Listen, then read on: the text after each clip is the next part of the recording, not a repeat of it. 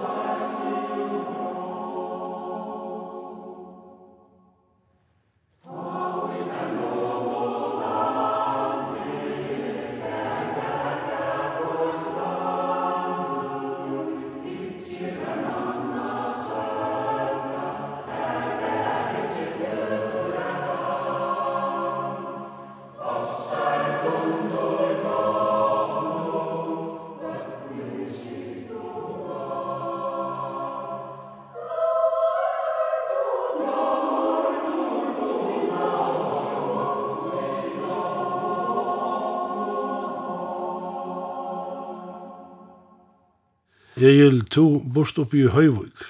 Ja, jeg giftist i 1936 vi Jenny, hun er Johansen ta, og vi flytti inn i okkara gamle hus i Tvørgøte. Men eh, det var lukket som ikke til, og vi atla av, så vi finko av grunnstykke oppe i Høyvøk fra pappa Mørnål, som er ivet i en part av Trønne Kjappa, så bygde vi det her oppe. Vi bor nere i havn i en åtta år, og flott nere i høyvugar og fyra halv fjers. Og her var så bor igjen. Vi fikk jo tre barn, tve jenter og en drang. De flott så sjån nere vi okken, og de er så ødel fløyen fra reien og fra nekken så igjen. Den æsta datteren, hun bor i Ronavøk, og henne yngre datteren, hun bor så i havn, og hever en fyrirtøk her i Stoffala, og den yngste til drangeren han sykler faktisk gjør det samme som pappa som gjør det, Abbe som lenge appen. Han får chips, og han tok chips for i 96, og får seg ut av sikla, og hever vært ikke han mersk fyrtøkene alle togene søyan. En hollender hever oppfunnet et system at häka plastik opp ur haven. Det är Eider Ocean Clean-up är det här fyrtögan som han hever. Og han har gjort en slags hestaskeik, för som skal kunne flyta sig spekla etter iuflatene av sjånen, så samlar plastikki inn, og så kan det komme via en kjip og ta det spekli opp. Hetta fire ganger i Stillehavnen, og han er så kjipar jo at tog kipen som fast vi har taget det opp. Fyrtugan jo leia kjip fra Mersk Supply Service. Og så sier han, tar få en plastik? Ja, og i grunnen er det nu bare å gjøre en prøvastadion som er nu, men det begynner så spekler rikka tjadam, ja poengevisen er, det er at her skulle kunne samla plastikk opp utan å bruka orske. Det vil si at her at her har funnet det av tog, hvis det køyra et driv enkar nyer, nega vel nyer om EU-flatene, enn 5-6 eller 20 meter nyer, så er streimeren ørvisen i her innan er vi EU-flatene Det vil si at jeg kunne få hentan her hestaskeikken som er det av nedi og flåten rundt, at færa spekeliga utan at jeg bruker orske til det. Til det så der eksperimenterer mest vi nu. Men her finnes jeg sindre av plastiske av imenskusløven, større og smarre plastik. Så dette her ser spennende ut. To først vi bædje i 1993. Jan Dam, som hei vi kibar jeg bædje, let en bad bitskiver norra, en luttland trålare, som alltid er færa til Grønlands vi er fiskareier. Grønlandar fiskar jeg sindra reium. Men det var vi smavom baton, en 20 tons batar, og saunage inn, inn i middelfjærenare i Grønland, kanskje mest her oppe vid disk og diskobukten jo her, og ta finner nekva rætjer. Jan i fiska laks, vi bætje oppe i Grønland, han er opp det at her har vi nekva rætja ui laksen. Så han helt her at det 86 var nekva rætja eisli ut i banken, men det var ongat røynt. Så han fikk så gjort denne her baten i Ivri Norra, Vestervære. Så sjå han det for han vies ned baten. Så mangla jeg bæk og knapplig en kipare, og jeg ble så bina færa vi bæk så kipare. Og hetta var det så sagt, og ikke trus. Nok så kjøtt at han er kom ombord, var ikke til for det grønlas, av fiskar laks. Ta var vi ikke akkurat så øyla nek og batar. Ta var nek fremmede batar kom der træt, Og så tar førker som var, og det var åknen, og det var leikur, og det var... Ja, det var nægre førker på som fiskar og laks til eisen, og i Grønland. Så er det marialen, så kom vi heimater, og Bekur hei veri fyrr om åri i Vinjofullande fiske hemmara. Men tann hemmar var ongat og selter, han ble kordur land, vi fugla fyrir hans frisse vi ikke fugla, så han la alakri her, Så tar vi kom heim, så får vi til Fuglafjörðar og finkel hemmaren og bor og bæk. Og så skulle vi at han har lakser var landavskværen i Bremerhaven vi hemmaren, hva han så skulle landas. Tja Jack så han det godt. Vi færer først ned til Hanston, hver laksen ble landavur, og så får vi ned til Bremerhaven. Men det var noen problemer, å slippe av i laksen. Ta så ena for det var klarst, Det ginker några dagar her nere. Så det ena det var klart så kom jeg der ombord och säger att det hade ikke folk å låse det. Det hette domt jag kunde inte. Vi ville gjerne släppa hjem til jævlar, så det norskast jolen. Vi spurte der hver vi problemet vi er. Nei, det hade ikke folk å komme ombord. Så sier jeg, det skulle vi da ordne. Vi kunne gått krøtje och ju last på det land. Og det ble så görst. Och tar så det var li og så får vi ta steg igen och fra. Nidl Bremerhaven. Og vi skulle inn i Halmstad av venn opp til førjar, at her kan farm opp til førjar for Kibafellet. Så vi silti inn i Elben, inn i Kilekanalen, silti jo i Kielakanalen i Utinemina. Jeg tog så så vidt der og så sier jeg der til at, veist du hva, hette var en leia morgon vi kom her, så sier jeg der at, at klokkan tvei leia det, så stinga menner av i Halmstad. Så slipper det der litt til mannadagen. Det hadde du vidt av suttja. Det var jævlen og færen sjokken, og jævla aftan Gustavsfjør. Vi korte nek var, finnast av vi var det.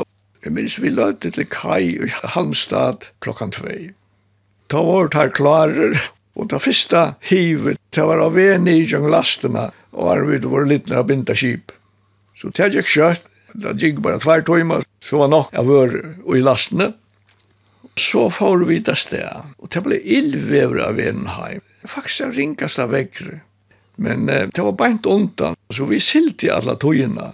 Det var nesten så lasnar at vi var nøyde til å legge stilt, å legge på ut. Det var rett og ringt vever. Vi kom så heim i Ødlengavn. Det var den første turen som kipar. At han hadde vært utlåsa her 1. januar manna og i halv fjers, ble tås om hver kip skulle for agera. Det var eisen tås om afrøyne etter svartkalva, men jeg var eidis, det ble så sli av, og vi får så å kjeipa sild og hybriden. Vi silde nye til et løyde plass som eitir Uik og Øytne Skai. Her kommer badar inn som eier trollbadar som hadde trålet her innanfor hybriden er et sild og landa av til ok. Og isa i kassar og silde så til Hirsa som landa av det her. Vi gjør det nekva turer. Og ankra tur for så heim og middelen og får vi fristegøsse nye til Grimsby, nye til Hamburg, i imiska stedan. Ein av vård i Polen etter Agne til Førjar. Det var en sort kinkla roi atter og fram, og så om heste var det atter til Grønlands at fiska laks. Ta var så glad negve på at det kom til Grønland. Ta var flere Bornholmar kom til her at fiska laks. Det var helt negve på at det så kom til her. Det var bare smarre og større båtar, og tar smarre båtar, tar platte som regla landa til, tar større som så friste fyrer Og her var en dansk båter, her var en sånn trusdonser eller såret, Lodvig Rikstein og Skåpen var kiparjonen, og tar fiska og laks, eisene, og det ble så landa til en um, større båt av Bornholm som så friste fyrer. Vi halte han i at polarlaks. Så en av färna så råper jeg så Lott til morgen og sier til att det var litt problem her. Ja, sier hva det er. Ja, nå er det til at det er som polarlaks. Han var från land. Så han kunne ikke ta og måte lakser. Både vi kunne ta og måte laksen og fristan. Og så för han nye for til som hin ville gjøre det for. Og Så sier jeg det här kunde vara gott. Vi hade jo stora last, det var ikke problem. Och gav han fristekapacitet. Så det var inget trubbelage. Det gjorde vi så. Og jeg kom så heim til arbeid for jól og får så nere på samme måte nere til Hansland og landa. Landa og laksen her. Og så at det var jeg at gjerne negra turer vi fristevør.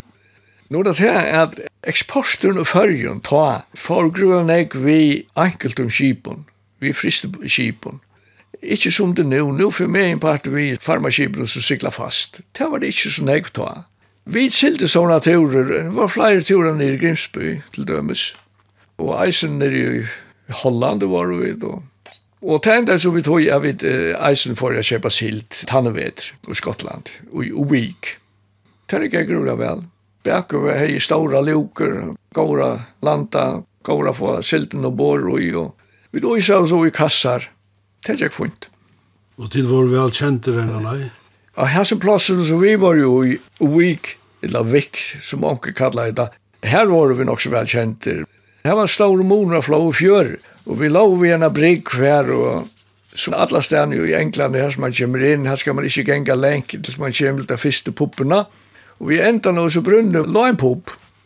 Her gjenker menn nian ved kvart, da får seg en øl, så gjenker det annars i bygden her som vi er grulig og løy til, her var altså ånds.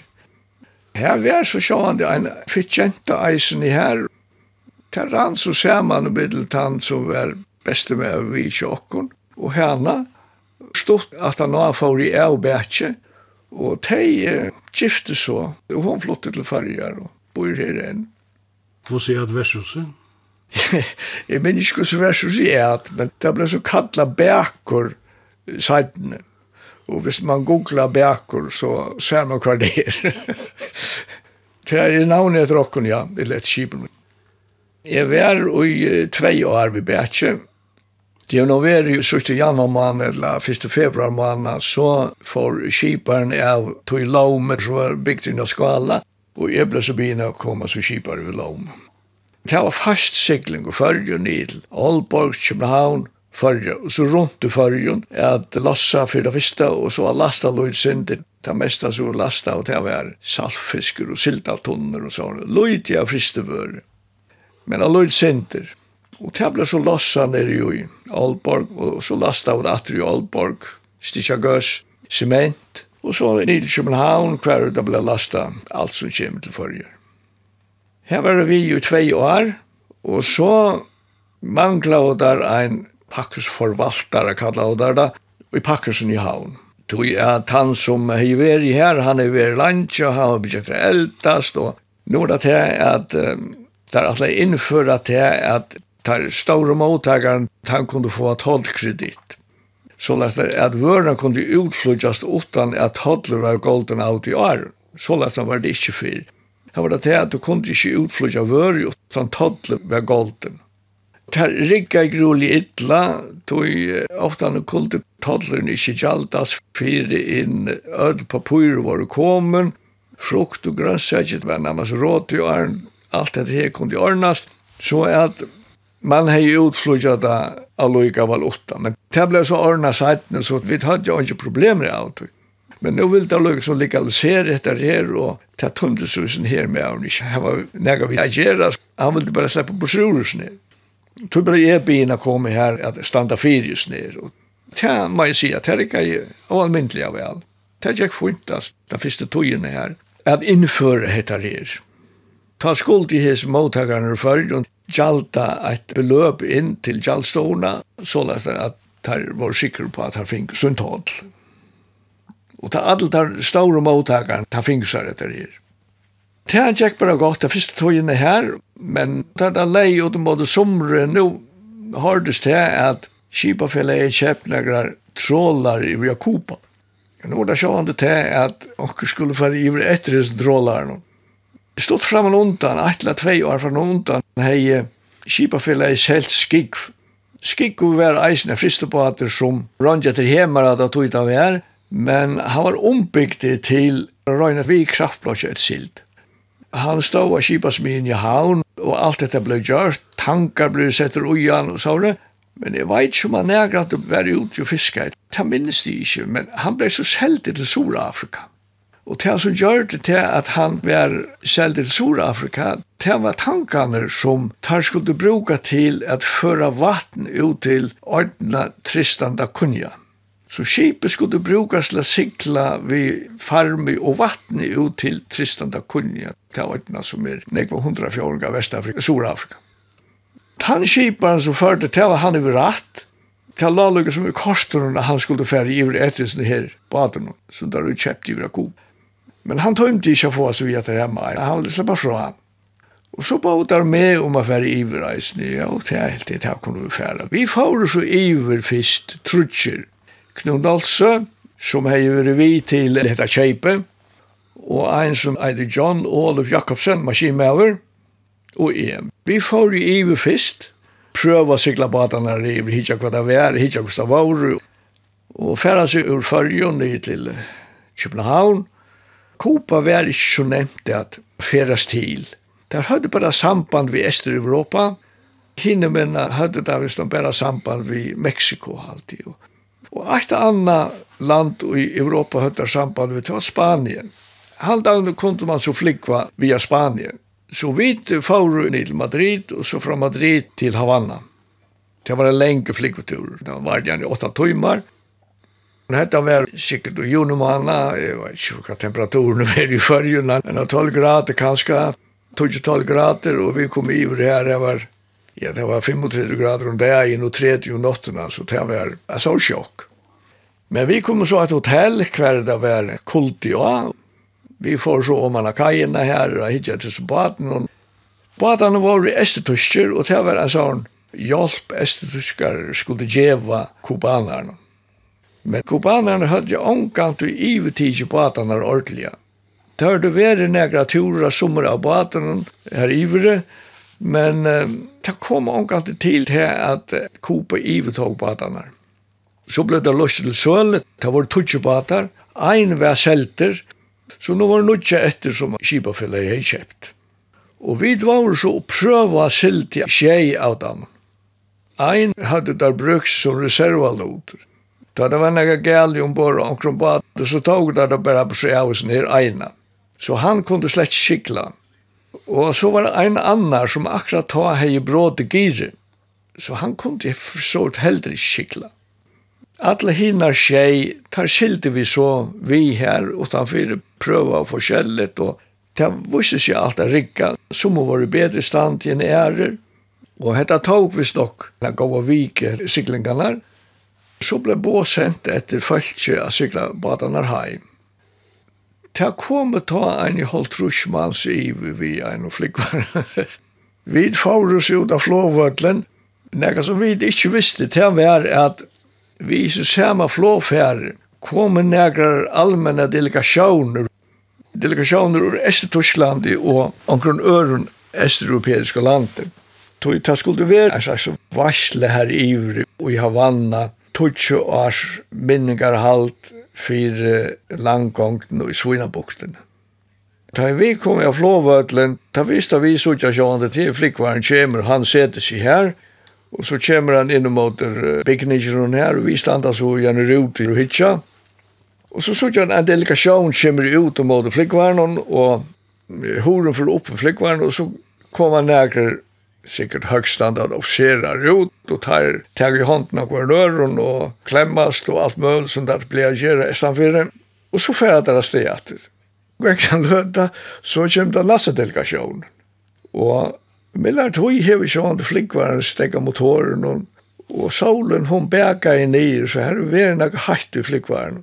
Så tar jag åkara män ena från att komma ut och flickvaren. Ta det mera, mera dejer i livande. Det var så hatt in i flickvaren. Tar kom så här och där jag godt å komme jag den toddlen och allt det. Ja. Tar for så direkt om båda båtarna. Air condition båda båtarna. Tar rigga i så tar var livligt her. Vi begynte beina vi inn ta at rigga til, at skulle for att cykla heim, Köpte proviant och spekulera på hvordan så skulle vi gjøre att vi att her var alltså tvær båtar som skulle slipas alla veien. Jeg hugsa i tar på en av veien at vi skulle sleipa her, vi kjete, bare det var noe lenger kjete, ja, og så sleipa vi tog til isa så vel ui. Men uh, disse russene, eller disse tyskerne som var her, her uh, var vi ene vi har sleipa, her motorer var ikke så påløytelig i nekva stedet, så her var vi ene vi har sleipa. Og han sier til, jeg bruker bare så sver i endene her, og så sleipa det, det er ikke problem tar høtt og heilt nekva reservadeiler lidsjande her iver, og i container av vis. Og i einas container vi er så negre så øyla lenger endar. Så hos endan det tar brukte vi så til a sleipa vi. Rikka av til, en hana fota framme, av veire, og så nylon fram i baten, a sleipar. Tar rikka vi spekla til, Ta fyrsta vi gjerra så, til er at vi sikla lukka som ut til munnan av havnene, Alltså Havanna är av naturhavn. Smalta sig inn in och så nog så vutt innanför det. Så vi silte ut till bonnan här och lötte till kajen här och så fick den första båten sted och sleipar lårar ut samtidigt som han sikler speglig ut efter. Og så fer leise bader og så fer ta naste som eisen sleipar, og så er det vi seinast. Vi sødde så farvel, vi sa fyrarna, og takka for jokken for så sted. Tan dagen, ta høtta boa fra en tropiskare cyklon som var av han dagen. Men hon var ikke nekka særlig stersk. Annars er det her hattesligere kom i holdt vi, men vi får seg ut av loika vel. Det var så lest at vi faktisk var nøyde til å være ut, tog jeg at vi som tjå okkur gikk ut han dagen. Vi får så ut og vi fick bant om landet landering veran och det var nok så friska vinter och mot men ikke så läs at, att det var nära alvorlig. Det er ikke godt at vi hem. Jag vil si att det var just da vi kom ju med at det nå så ble det mest. Det nok kjøtt her, här litt. Då tar rundla jag sinter och så tar vidare kom nog så lengt och dom silt kanske nära timmar. Så säger jag så vi tar som är jag brunn. Jag får lojka att om här Alt som var i kameran at han fyrir, det var alt ferdig av dørskjøtt til å la og kort i atter og fram. Jeg fyrir lukka at det her og rutta sind. Begynner jeg til å gå opp og køyre og i mapper og sånne. Jeg var sikkert borster og en tøym eller tvær. Så ferdig ut atter, hittir radaren, jo, så ikke her i nekker patar og det er akkurat fire mer som at her mangla jeg en bat. Jeg sa meg selv, hva er det nå hvis det mangler en bat? Et halvt skip. Men jeg spekulerer jo på etter her. Spør det her om det har lagt mest til deg. Nei, det har ikke lagt mest til deg. Jeg får så ut i bor hitja atterett. Nå så ikke en rakett. En rakett som der har sendt opp. Og vi vende så beina av en tendra av ljøskastaren og luste så silt i hand av veien som raketten var. Og til han var nok skjøtt så kom vi da en båt. Han er i fin blackout motoren gikk, Jinko, det var litt sted, men det var ikke litt sted. Og han koblet i ur, det var ikke gjort. Det er John Olof, og klarer jo beina av hva var gale. Sier det at det er høves av brådaren som er dotter nyer. Josef ble koblet inn ved magnetkontakt. Og hvis streimen til magnetene, dette borster, så dette er kontakten nyer, og så mister vi det hele. Og magneten har finget det fra neibatarøyen, og takk om de helst ikke eller nægge, for det var ikke ui. Så hvis det her ikke lada av neibatarøyen opp, så mistet det i streimen, og så datt det her nir, og så ble mist. Så han bet her bare at telja seg tvær kuilar av tre, og stinga der i middelen, sånn at det gav kontakt, så kunne det lade opp at det. Og så gjør det til det, og så var det klart. Vi sildes og vujar i heim, Jag vill höra en telegrafist vi så at att det var møvelig at sätta bo heim og få tøyender iver telegrafen. Det var Eirik Nilsen han var vi. Og så hadde vi et um, trutschar esetuskar vi som var spesialister. Ein var spesialister i ljøsmotoren, og ein var spesialister i homotoren, og så var ein elektronikkmekaniker. Det var neggbruk for det man har ved heimet. Vi hadde en gummibad, så tar rau jo middelvis gummibad. Vi silt i vil ta baden som er problemet, og så rau der iver, og så fiksa ut her problemet, hvis det kunne fiksast. Så lett jeg tjekta nesten alle veien løyga opp til uh, Granbank og Jofunlands i det her. Hva er eneste det? Man okt. Mastaren jo kan fanne på for jeg gjerne skotel. Hvis man kom og gjerne springare rik, så kunne man skotla seg springare. Jo, ta bär så lästar jag en av når vi kom sikkert når om åter grannbank her. Ta kom och springar i kvåk nå. Vi skottla åt var springar. Ta dem til Estetorskaren Nidla. Tar snakka om at her skulle melde och hon sa og så sier jeg ja men till att lägga melda till bära till Jordan. Videre vänner vi att täga till på sosjonen som vi brukar och äta. Ta alla vad det fortsätter göra. Det kom så ikke mera på sjurtog. Hetta var gode mæter å få, Nu var det här i Jakoba att vi projentera, av. Var det grunda ringt å för kött till dövra med att Einasta kjøtt vi fikk var ivet, det var kaniner. Så at uh, menn var jo kjenter av kaninen ta. Så dette var godt å få i middelen. Og vi uh, silte så til æra på at eisen som eisen fikk av kåkfråken. Det kom vel vi. Så når jeg sattne av turen, så jeg får det jeg satt, Så kommer kokkeren til morgen og sier, du vet her var Luitsen rettere av sin kjøter nå. Han kunne huske seg til at tidsjo å stokta som menneskan buff og leikat vi kanskje saus. Så sier jeg, det var godt. Ja, men hva skal du gjøre vi ser her, tuskarna? Så sier jeg, tar jeg etter på seg ja, hvis jeg vil etter på seg av, hvis jeg ikke vil gjøre, så lær det være. Han tenker så steiger etter her, og vi etter, og alle er vel tilfreds vi etter her. Så leder hun i sin ene tyskeren, han tar av det som vid eisene, leder hun i sin ene tyskeren, sier, hva er det for nægge, hva er det for kjøtt, du finner vi finner jo ikke kjøtt der ivrig, hva, hva er det finner det fra? Så sier hette var en springer vi skuttla. Det kom ikke gå å gjøre. Nei, han ble rasende, ble han. Jeg kan vi bilt i jo inn og så gjør. Ja, men jeg sier, altså, tenk om det bare være etter det. Det var det som sagt, tror ikke, det var bare sånn ene som var så ivrig. Han ene sier så lagt når vi igjen. Nej nei, sier han. Hatt inte kväll det smakar ikke så lagt där. Det och det passer ju det passar. Så slipper vi fra flere problem vi tog.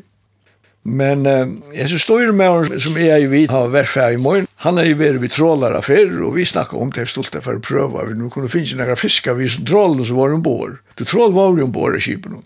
Da vi kom opp til Grand Bank, da hadde vi drikket trålet til, og for så prøve, vi ikke kunne få noe.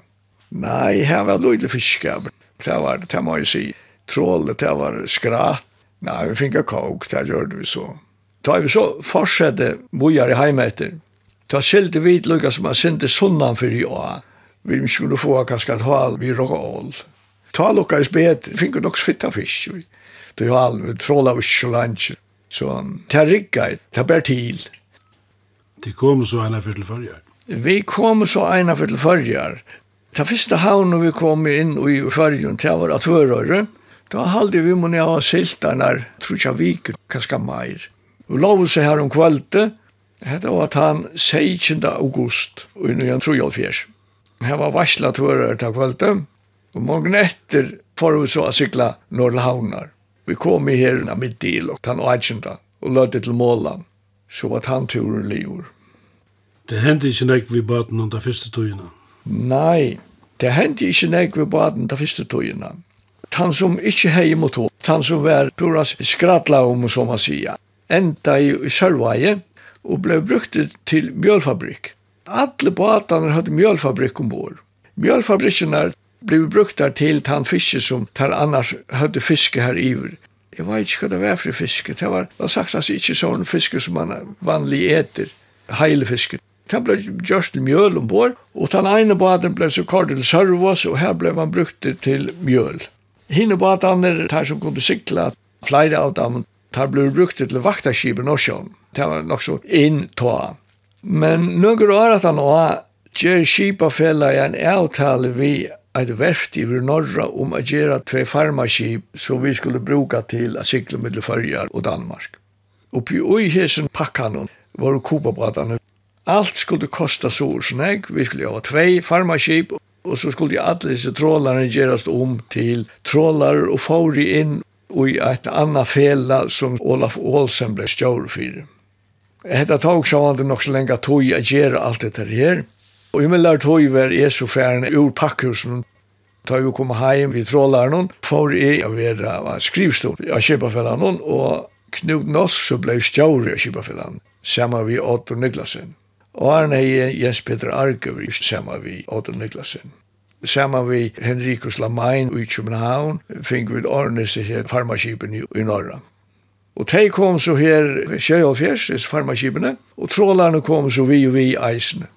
Trålarna rikka og sera vel. De får jeg fiske Uppsal, land av Uppsal og Fuglafyrir til Hans Fristervitsi, som kipa i eisen i ått. De fiska og almindeliga vel.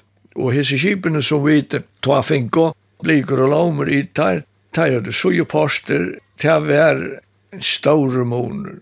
Og arren var det så lett at man kom her til fyrja, så kunne man lossa, og lukorna skulle av, og regna det, så regna den i lasten av vøren ble vatt, og det var nek for nek problemer. Nu får alt ut i kjøngen sujina, og man kunne arbeida nærmast i ödlo vekk. Det var en øyla stor moner. Hese nudje skipene, de hadde større frista roi, og det brøttist av loide sindre alt vi eksport ur fyrjun om tøyene. Det får meir og meir nye til Danmarkar av fristegøsse, og blei så kost vujare mest nye til Tysklands. Ta kom meir av fristegøsse vi linjeskipene. De finko meir og meir a gjerra. Vi la vi silti nastan til hver flega vi ikke fyrjun, jeg lasta inn. Sætt det blei så tvei ånne skip kjørt, Tog nek av eksporten ur fyrrjun til for til Amerika og til for sjåhande vi ytterske farmaskipen. Så funnet vi det på at gjerra tvei større farmaskip i norra som atlande var sikla i Amerika vi fristegøssen. Det ble jo sus nir Olof Gregersen og Svenor. Vi tås av vi norska avskipar som eisne avskipar til Amerika og fink tellukka som på le at vi skulle få alt av gøssi tja taimon eisen Så det var i grunden for fyrir Osland i eisne på samme måte. og så skipene silte så i nøyger år, men det gikk ikke noe særlig. og det viste seg at eksporter til Amerika minket ikke grunn nek ta, bægjur Uslandi, Førjun og eisne i Norra, at det var ikke grundalega fyrir baten. Så tar blei selter. Det var mer enn 2-3 år her i Førjun. Og i 1924 varst du en tur vid Våasteinen. Papi hei lærte våasen bitcha her i havn, og han var livur tullju i 1924. Fyrsta turen var jeg så vi. Vi får jo fargen til Labrador at fiska svarskalva. Til sikkert vi er i februar måned eller mars måned. Det var kanskje ui så tullja. Vi kom altså iver til Labrador, og her slappst ikkje inn for i uise. Vi slapp ikkje inn av fiskelei for i uise.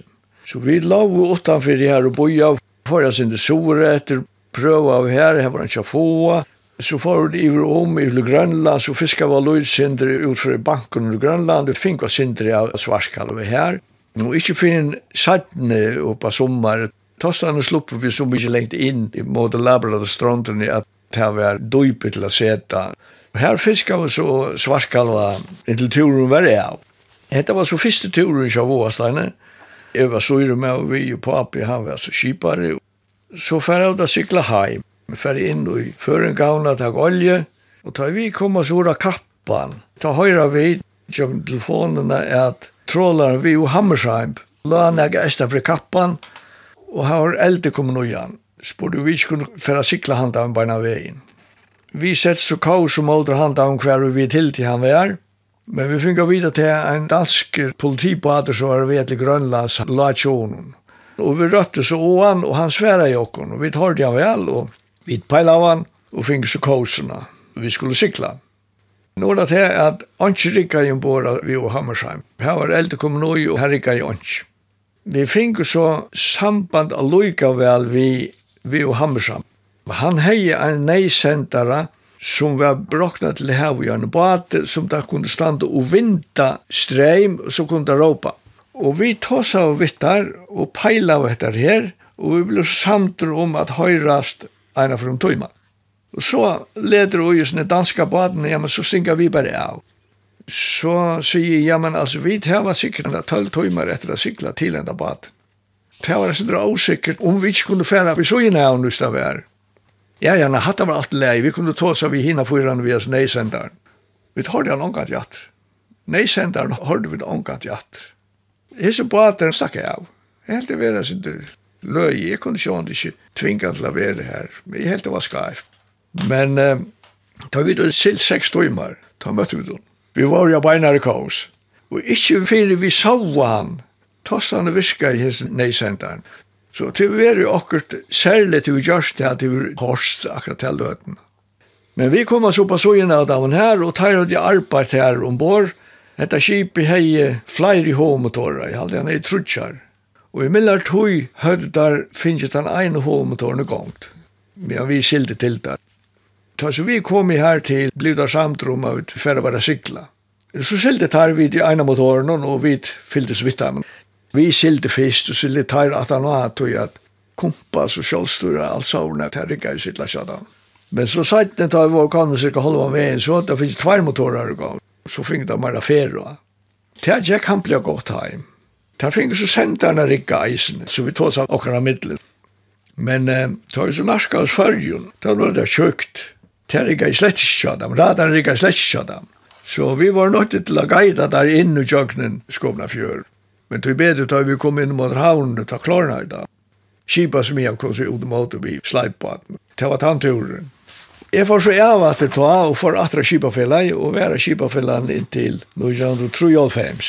På bedøyres ta i 8 fors, at han at jeg leia i bakalau kip. Bakalau leia i kip til å røyne etter uisfiske fra uisfisk til visk. Men uh, så i 1935 til togina, vil bakalau slippe undan disse leiemalen, vid ivetog så kipet, gjør det aparta som kipet hårde til. Det har jo vært privat og och chapapa öll ærene, öll skipene. Men vi ville gjøre det til pastafälla. hver så mamma åtte jo öll pastabrøven, inntil hun då i tablet och så. Bort ut till okkosisjon. Birgit Batchman han ble så stor i sin pastafällan och drev så skipen. At han var ferdig av skipafällan så ble jeg en slags heimahjälp till skipen. det jag ombord og hei, det praksiska vi skipen att göra. Du har haft uh, nok så fitt vi vid realkreditstånden att göra. Det blev bina våra medingar med arealen i 2002. Det nästa bara må är i her. Til han fyllt i halvfjärs så kunne han inte vara langer till.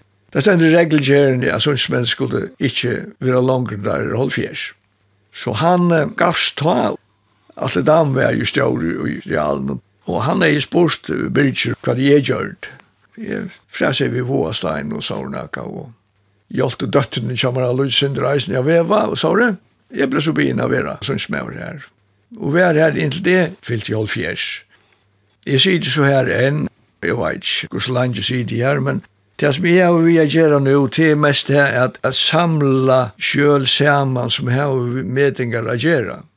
Det halda liksom skil og medingar og så at det ikke ferskt.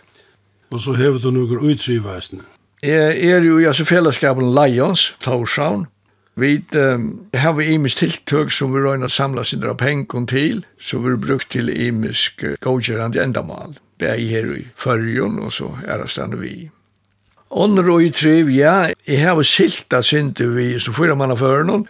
Det var grunnen Lions og Ronavuk som byrja i vi at hava kappsiklingar vi fyrir man av førnån, fyrir man av førnån, inni av skalafjørnån, og det vant å passe En ivergang var det rettelig nekve båtar som skilte. og fremst jeg skilte, det halde jeg var tutsjende året her høyto, men hvis jeg rett så halde det var tru og 34 båtar som skilte. Det er så vondt i passet der jeg var skilt, og kottla fyrir kvalvog, og så at det var estanstevna skala skallafjørene. Men uh, senast jo er det ikke vært så nekve hava snært. Minka vitt, og vi har alltid folk tog mykje meir, det er ikke så interessant langt og ja, her var det ikke silt. Fjør var det silt, ja.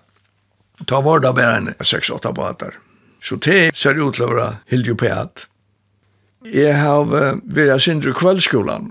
Jeg gikk til å dreie i kveldskolen, i S-skolen, og i nøkker år, og så gavst han, han får nye til å skail og så, når han lærer å være. Jeg ble så begynne å være i Millertøy. Men han tomte jo ångat å komme atter, så jeg undervois jo i dreying i kveldskolen, og i S-skolen. Og det ganger nok så høyt opp i, og er jo gjerne fela som da kallar for dreiefela. Og heter det dreiefela som er fri alla følger. Og veteren er en av romanene når skolan og Øyrabekka og dreia. Så her kommer man eisne sinter rundt. Da sørste utdrivet det er i Vestlarhå. Det er nok sånn jeg var sikla vi i Vestlarhå. Nå er sånn jeg vi seinast i årene, jeg har vært fast tjåkona, vi sikla vi satte klassen og i ødlen skolen og i Tausjana kommunen. Og det er at han og skolen begynner om hester, er at skolen kom. Og fjør hadde jo vært seitjan turer vi skolen. Det er flere klasser og sommerskolen, og så er det sommerskoler som er små klasser. Og så slår det seg sammen, Nølse, Kalbak, Velbastet, og så tar ein turer. Det blir å være mellom 12 og 20 nærmengar kvanturen. Det er egentlig vel motig. Det må da man da ser vel. Det er alt av så å men i år gikk det ikke godt, vi fikk skje på skroene, og vi fikk så dreene og hjelp oss å ta nære turer. Det var reisen til, de, de var vel. Bøndene kom ombord, og så fisket de her, så ble de å si, jeg vet det, ja, men ta, vi finner det fisken der, så skal du jo ta han. Ja, jeg vil ikke ta. Jo, jo, han skal jo bløkkast. Ja, hva er det til? Du skal drepa fisken, han kan ikke pynast. Så jeg halte vi da flytt nekva grens i kjøres ung folk. ja, Egil, jeg får si at det er takk for det. Det er også takk.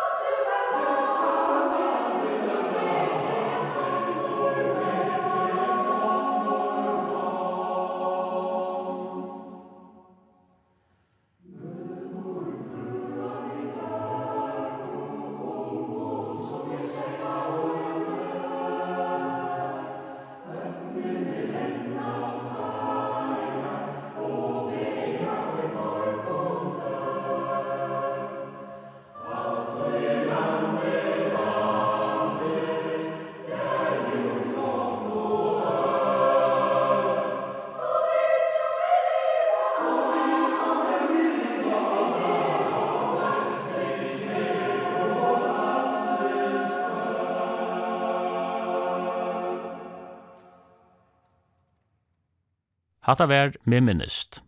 Jeg var narke hitte Egil Simonsen og i Høyvøyk. Hetta vær tria og seinasta sending.